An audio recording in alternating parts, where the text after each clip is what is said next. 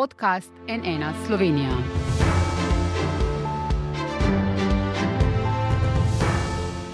Dobro dan, to je NN studio. Najbolj zapletene volitve v tem delu sveta so za nami. Bosna in Hercegovina je izbrala.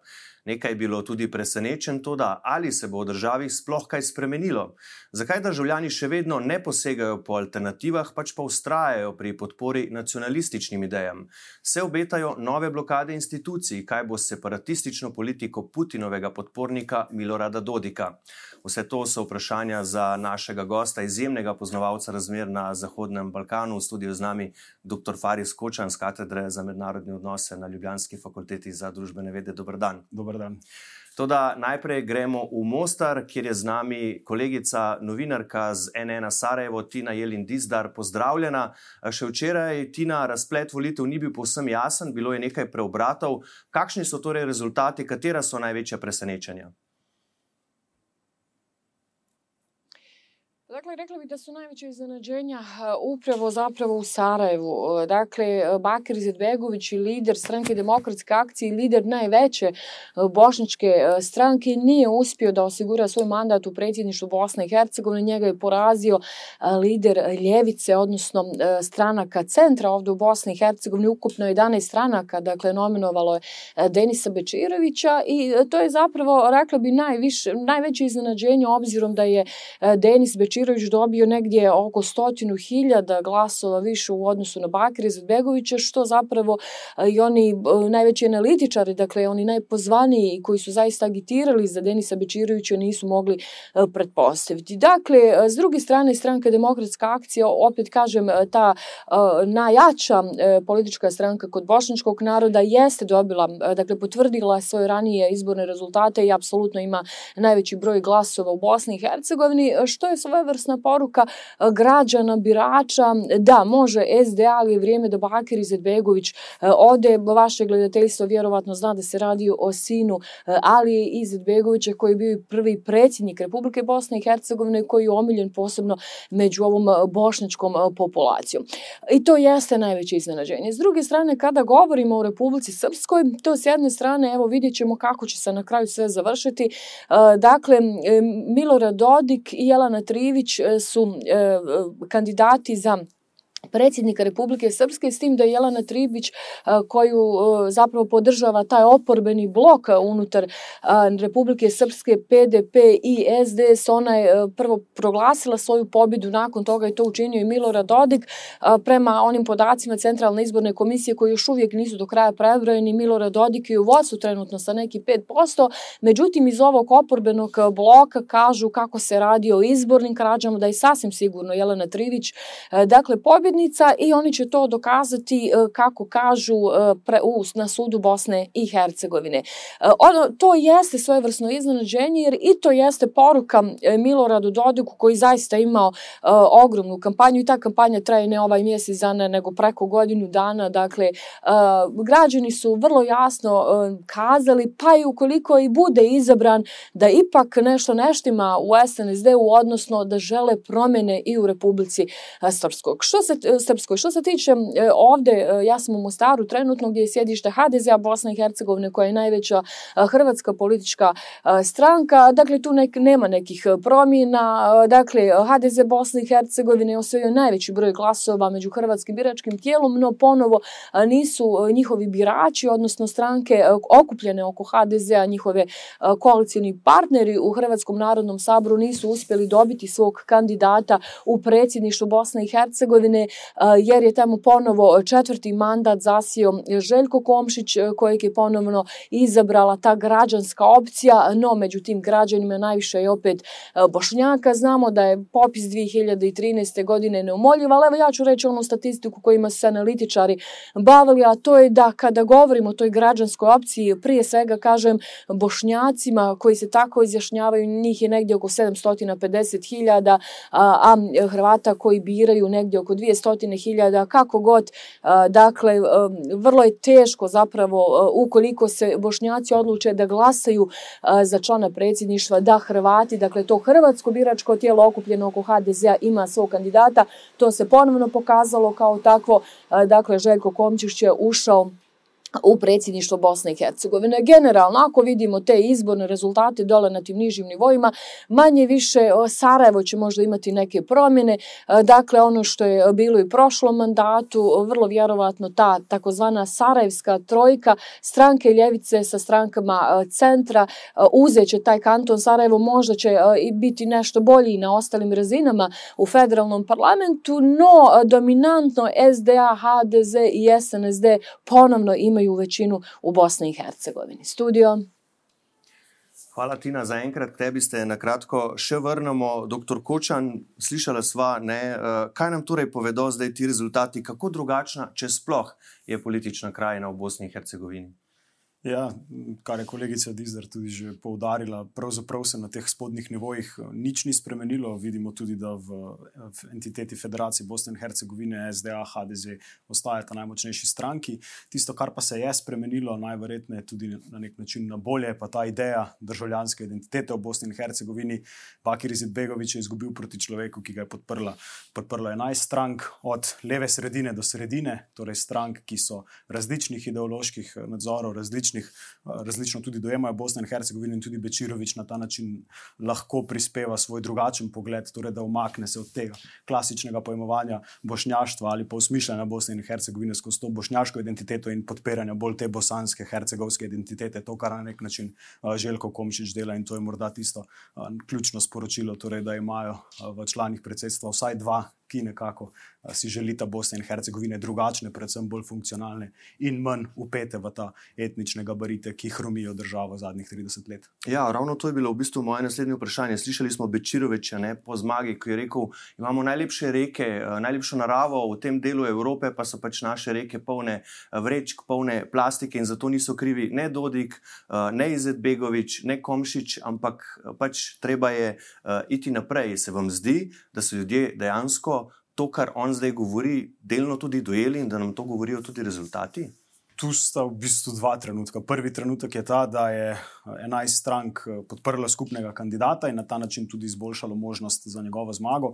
Druga, drugi trenutek je pa ta, da nekako so ljudje tudi siti, Bakir Zedbegoviča, so siti uh, vodstva njegovega znotraj SDA in so tudi njemu poslali jasen signal, da je mogoče čas, da najdejo nekega novega voditelja znotraj SDA, -ja, torej da na nek način tudi prekinejo s to vladavino Zedbegoviča znotraj te stranke in da mogoče pride tudi do neke drugačne vrste razprave ali pa da drugačne stranke v oziru do tudi zaščite, če želite, teh bošnjaških interesov. Ne na zadnje, zdaj je torej tista klasična etnopolitična stranka, stranka bošnjakov. Mislim, ta to... stranka je, se upravičujem, še vedno v bistvu zelo prepričljivo zmagala. Ne? Res je in to na nek način tudi pokaže uh, Bakiru Izetbegoviču, kaj si ljudje mislijo o njem. Ne pa potrebno povdariti, da je SDA v tem trenutku lahko računa nekje na 26 odstotkov, kar je seveda absolutno največ, ampak mislim, da je tudi čas, to je tudi Bakir Izetbegovič nakazoval po samih volitvah, da se lahko pogovarjajo tudi o tem, kaj so bili razlogi. Sam je to navedel, da je šel proti 11 strankam, da bi jih pa sicer 9 ali pa 10 lahko premagal, 11 mhm. je bila pa preveč.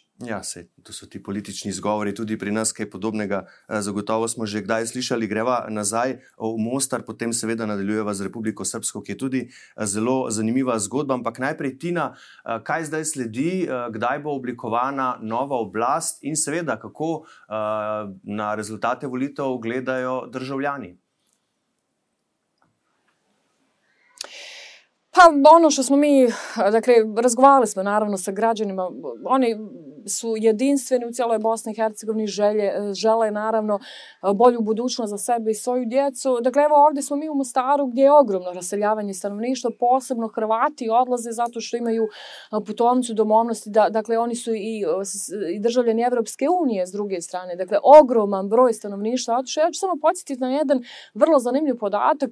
Dakle, 330.000 glasova je dobio član predsjedništva iz reda hrvatskog naroda 96. 700 750.000 glasova e, bošnjački e, član, odnosno član iz reda bošnjačkog 96. E, srpski član negdje oko, mislim, 500 i nešto hiljada. Hoću vam reći kako je tada bilo masovno glasanje s jedne strane, no s druge strane ono što analitičari upozoravaju nije bilo masovnije glasanje, nego jednostavno bilo više stanovništva. I to je odgor, dakle, zaista odavde odlaze cijele porodice i ne u posljednje vrijeme ono što je vrlo simptomatično, ne samo zbog boljih, dakle ne zbog boljih uslova života u smislu posla i tome slično, nego zbog sigurnosti. To je ono što nam e, kažu, jednostavno ne mogu živjeti više u takvoj političkoj atmosferi e, gdje se e, prebrojavaju ljudi, gdje se govori o novom ratu i tome slično. Dakle, ljudi zaista žele promjene. Da li će ih i dobiti? Ono što pokazuju ovi posljednji podaci, kažem, nisu još to još uvijek konačni podaci Centralne izborne komisije, manje više stvari će biti liste, osim u predsjedništvu Bosne i Hercegovine, no vidjet ćemo eh, hoće li ove poruke eh, vezano za Bakra i za Begovića s jedne strane ali s druge strane i Milorada Dodika koji, eh, vi znate, i u ovom svojim posljednjim govorima ponovo zaziva secesiju i odvajanje Republike Srpske nešto promijeniti i da li će se oni zaista okrenuti ka tom normalnom životu. Međunarodna zajednica u nekoliko navrata predstavnici su kazali kako nakon izbora u Bosni i Hercegovini slijede vrlo ozbiljne izmjene izbornog zakona, izmene Ustava Bosne i Hercegovine. Da li su ove iste manje više političke snage spremne za to, vidjet ćemo. E, ja pretpostavljam da znate da smo imali i namet, da je visoki predstavnik i nametnu određene izmene izbornog zakona i u izbornoj noći. Koliko će sve to e, dakle doprinijeti da se ovdje situacija stabilizira evo, uh, mislim da mnogo toga ovisi od međunarodne zajednice jer, uh, nažalost, iskustvo prethodnih godina uh, nas uči uh, da iste političke snage jednostavno nemoguće da donesu niš, nešto bolje kada je u pitanju stabilizacije stanja, ali i ove uh, evropske integracije u Bosni i Hercegovini posebno kada imamo i taj rat u Ukrajini i ruski uticaj i okretanje Milorada Dodika prema, dakle, sve više prema Rusiji, prema, ovaj, prema Srbiji, dok te evroatlantske integracije ostaju po strani. Kažem, evo, vrijeme će pokazati u svakom slučaju. In mi bomo to seveda spremljali z velikim zanimanjem. Tina Jelin Dizdar, kolegica, hvala lepa in lepo zdrav Mostar. Če nadaljujeva, dr. Kočan, kar precej dobrih istočnic nam je dala Tina, ne, če začneva z Republiko Srpsko. Zdaj, Milorad Dodik in njegova velika zaveznica Željka Cvjanovič bosta v bistvu samo zamenjala uh, funkciji. Cvjanovič gre v predsedstvo, Dodik se zdaj vrača uh, na mesto predsednika srpske entitete. SNSD, torej v bistvu ta stranka, uh, ohranja vso moč, se je sploh kje pokazala kakšno ranljivost? Razpoka, to, kar je tudi že kolegica vaša dejala, je mogoče eh, ta bližina med, uh -huh. uh, znotraj uh, za volitve za predsednika Republike Srpske. Tu je recimo Jana Trivič bila zelo blizu Miloradu Dodiku, kar na nek način kaže na majhen razpok ali pa majhno nezadovoljstvo. Ampak tu je treba biti pazljiv in poudariti predvsem dve stvari. Tukaj gre za to, da so ljudje siti samo malverizaciji in Dodika vizavi uh, institucij vladavine prava, plenjanja uh, države in tako naprej, ne pa uh, strani teh narativov, kot jih on poudarja. Elena Trivič, takoj ko je prišla v sam štab, je začela poudarjati podobne narative kot Milorad Dodi. Tako da v identitetnem smislu ali pa idejnem smislu, kako ona razume Republiko Srpsko znotraj Bosne in Hercegovine, ni razlike. In to je tisto ključno sporočilo. Ne? Republika Srpska je tudi tokrat imela prvič na voljo možnost izbere predsednika, se pravi za člana predsedstva iz vrst uh, bosanskih Srbov in je imela vojna Mijatoviča, torej gibanja za državo, ki je prejel zgolj pet odstotkov. Torej alternativa v Republiki Republiki Srpski znaša približno 5 odstotkov in to je tisto, kar nas mora nekako strašiti. Mhm. In kaj zdaj v bistvu to pomeni za Republiko Srpsko, za Dodikove grožnje z odcepitvijo, ki se, bodiva iskrena, pojavljajo že kar nekaj časa, pač pred kakšnimi volitvami se ponavadi intenzivirajo iz političnih razlogov, absolutno. Ampak slišali smo ga ne na prvi izjavi. Ko je uh, pač razglasil zmago in napovedal okrepljeno sodelovanje z zaveznicami Srbijo, Rusijo, Mačarsko. Res je, v medijih, eh, oziroma saj na analitiki, se govori, da bi Milorad Dodik lahko zahteval mesto ministra za zunanje zadeve na ravni Bosne in Hercegovine, in glede na uh, rezultate volitev bi se znalo zgoditi, da jih tudi dobi na nek način. Torej, to pomeni, da bi lahko tudi on močno vplival na to, kam ne bi šla Bosna in Hercegovina. To je seveda en trenutek, drug trenutek pa je točno to, kar ste poudarili. On v bistvu od leta 2006 konstantno govori o tej secesiji, ne? torej na nek način, da se bo odcepil od Bosne in Hercegovine. In mednarodna skupnost v tem kontekstu, tu se strinjam z vašo kolegico, pravzaprav ni dala tistih jasnih mej. Ne? In seveda, ko ti deset let poudarjaš enake stvari in enake zgodbe, ti v bistvu tudi prepojiš svojo družbo s temi idejami. Ne? Na nek način, tudi če Republika Srpska ni odcepljena, še vedno del Bosne in Hercegovine, se, vsaj po rezultatih volitev, ljudje dejansko poistovetijo s tem okvirom. Torej, da je Republika Srpska na nek način samostojni imaginari, ne? ki zmore sam funkcionirati in samo obstajati. In to je tisto, kar je zastrašujoče znotraj uh, te same retorike Milorada Dodika. Tudi če se on ne odcepi od Bosne in Hercegovine, on pravzaprav s tem samim diskurzom razgradil idejo, da se Republika Srpska sploh lahko na nek način udejstvuje znotraj Bosne in Hercegovine. Ne? In tudi na nek način je opoziciji ponudil ta okvir, da izven njega ne gre izstopiti. Ne? In to je tisto, kar je zastrašujoče. Torej, da na nek način legitimira nesodelovanje, legitimira, da je Bosna in Hercegovina nefunkcionalna država. In morda samo še to, eh, ko je visoki predstavnik pet minut po volitvah sprejel tisto odločitev, je Milorad Dodik eh, se odzval, da to njega ne zanima, ker se ne ukvarja s srbsko in da Bosna in Hercegovina razume kot tujino. Eh, če greva k razmišljanju ljudi, ne, tudi jaz, v bistvu, ko se pogovarjam z ljudmi iz Bosne in Hercegovine, se, se sprašujem, zakaj ljudje tam še vedno uh, najraje volijo nacionalistične politike, a ne tisti, s katerimi se jaz pogovarjam, mi pravijo, da si ravno ti nacionalisti najbolj prizadevajo za to, da se v državi ne bi nič spremenilo. Torej pomeni, da tisti, ki bi volili koga drugega, v resnici odhajajo iz države, že v ta čas. Ja, drži. V bistvu vse tri etno-politične stranke si prizadevajo za ta status quo, zato ker je na nek način to njihov plen. To se lepo vidi tudi na ravni Bosne in Hercegovine, kjer te stranke sodelujejo v koaliciji in HDZ, in SNSD, mm -hmm. in SDA. In to je tisto, recimo, najbolj zanimivo in tudi simptomatsko. In jaz se strinjam, tisti ključen potencial, uh, najverjetneje v diaspori, torej, ki pa na nek način si tudi ustvarijo svoje življenje izven Bosne in Hercegovine in se na nek način tudi vsaj idejno ne vračajo. Najverjetneje tudi ogromno njih ne voli in to je tisto problematično. Na drugi strani imamo pa tudi to, da so volitve se udeležuje 50 odstotkov ljudi, kar pomeni, da še vedno obstaja nekje nek potencial, mm. ampak je pa seveda vprašanje, ali so apolitični zato, ker si želijo alternativo ali pa jih politika pravzaprav ne zanima. Umenili uh, ste že visokega predstavnika mednarodne skupnosti v Bosni in Hercegovini, Kristjana Šmita, ne takoj po zaprtju volišč, je uvedel nekaj manjših kozmetičnih, v bistvu, če so iskrena, eh, sprememb volilne eh, zakonodaje. Kaj bo preneslo to, zakaj ni možen dogovor o širših spremembah sistema, eh, ki je, kot sva ugotavljala, um, eden najbolj zapletenih na svetu? Ja, Šmit je ukradel šov, to so ne na zadnje tudi govorili politični analitiki v Bosni in Hercegovini.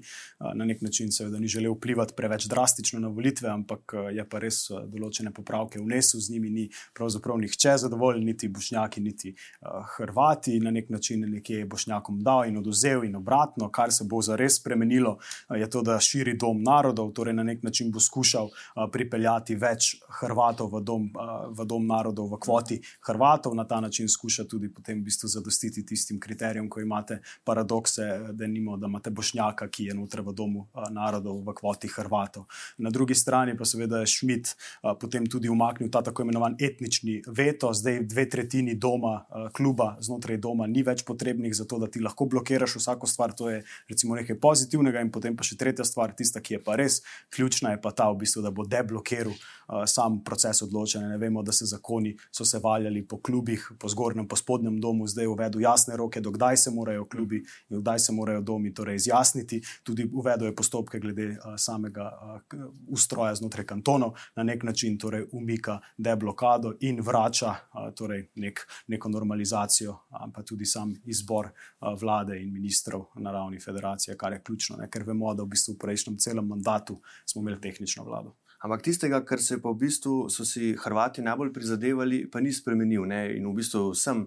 Eh, o tem je v bistvu najbolj tekla beseda. Ne? Spet se je zgodilo to, kar je bilo tudi že prej omenjeno, da je pač hrvaškega člana predsedstva, da so ga izvolili Bošnjaki, ker je pač tako, da Hrvati in Bošnjaki živijo skupaj v federaciji in pač uh, je potem Komšič, ne, ki je izjemno priljubljen med Bošnjaki, spet gladko zmagal. Ja, to bi potrebno spremeniti ustavo. Ustava Bosne in Hercegovine govori o tem, kako se člani uh, izbirajo in tukaj se izbirajo na ravni entitet. In ja, na nek način so Bošnjaki zopet izbrali Željka Komšiča, ampak tu je potrebno povdariti, da recimo, kar je meni zanimivo, Željko Komšič je prejel 195 tisoč glasov, Bakir Zedbegovič pa 187 tisoč, kar pomeni, da je Željko Komšič tudi v tej konstelaciji recimo bolj legitimen od Bakira Zedbegoviča za tiste, ki se izjašnjujejo za Bošnjake in pa tu pa seveda se je treba obrniti spet nazaj na kolegico Dizla, res je, v bistvu za Komšiča volijo tisti, ki so seveda etnično, recimo, se izjasnili kot bošnjaki na zadnjem popisu prebivalstva, ampak so za te bolj državljanske ideje. Na nek način je Komšič tudi za njih bolj legitimen predstavnik kot Bakir ali pa tudi kot Denis Bečirovič. In to je mogoče tudi tisto sporočilo, zakaj ne. Zaradi tega, ker tu je potreba poudariti, gre za eno osebo, en glas, to pomeni, da oseba v Sarajevu ne more voliti in Izetbegoviča in Komšiča izbira. Ne? Na nek način je tudi njegova pravica, da izbere samo enega. Ne? In če se on čuti, da je Komšič tisti, ki njega bolj predstavlja, potem ne vem, zakaj bi bil problem, ali gre za Bošnjaka ali pa za bosanskega Hrvata. Zdaj, kolegica Tina je rekla, uh,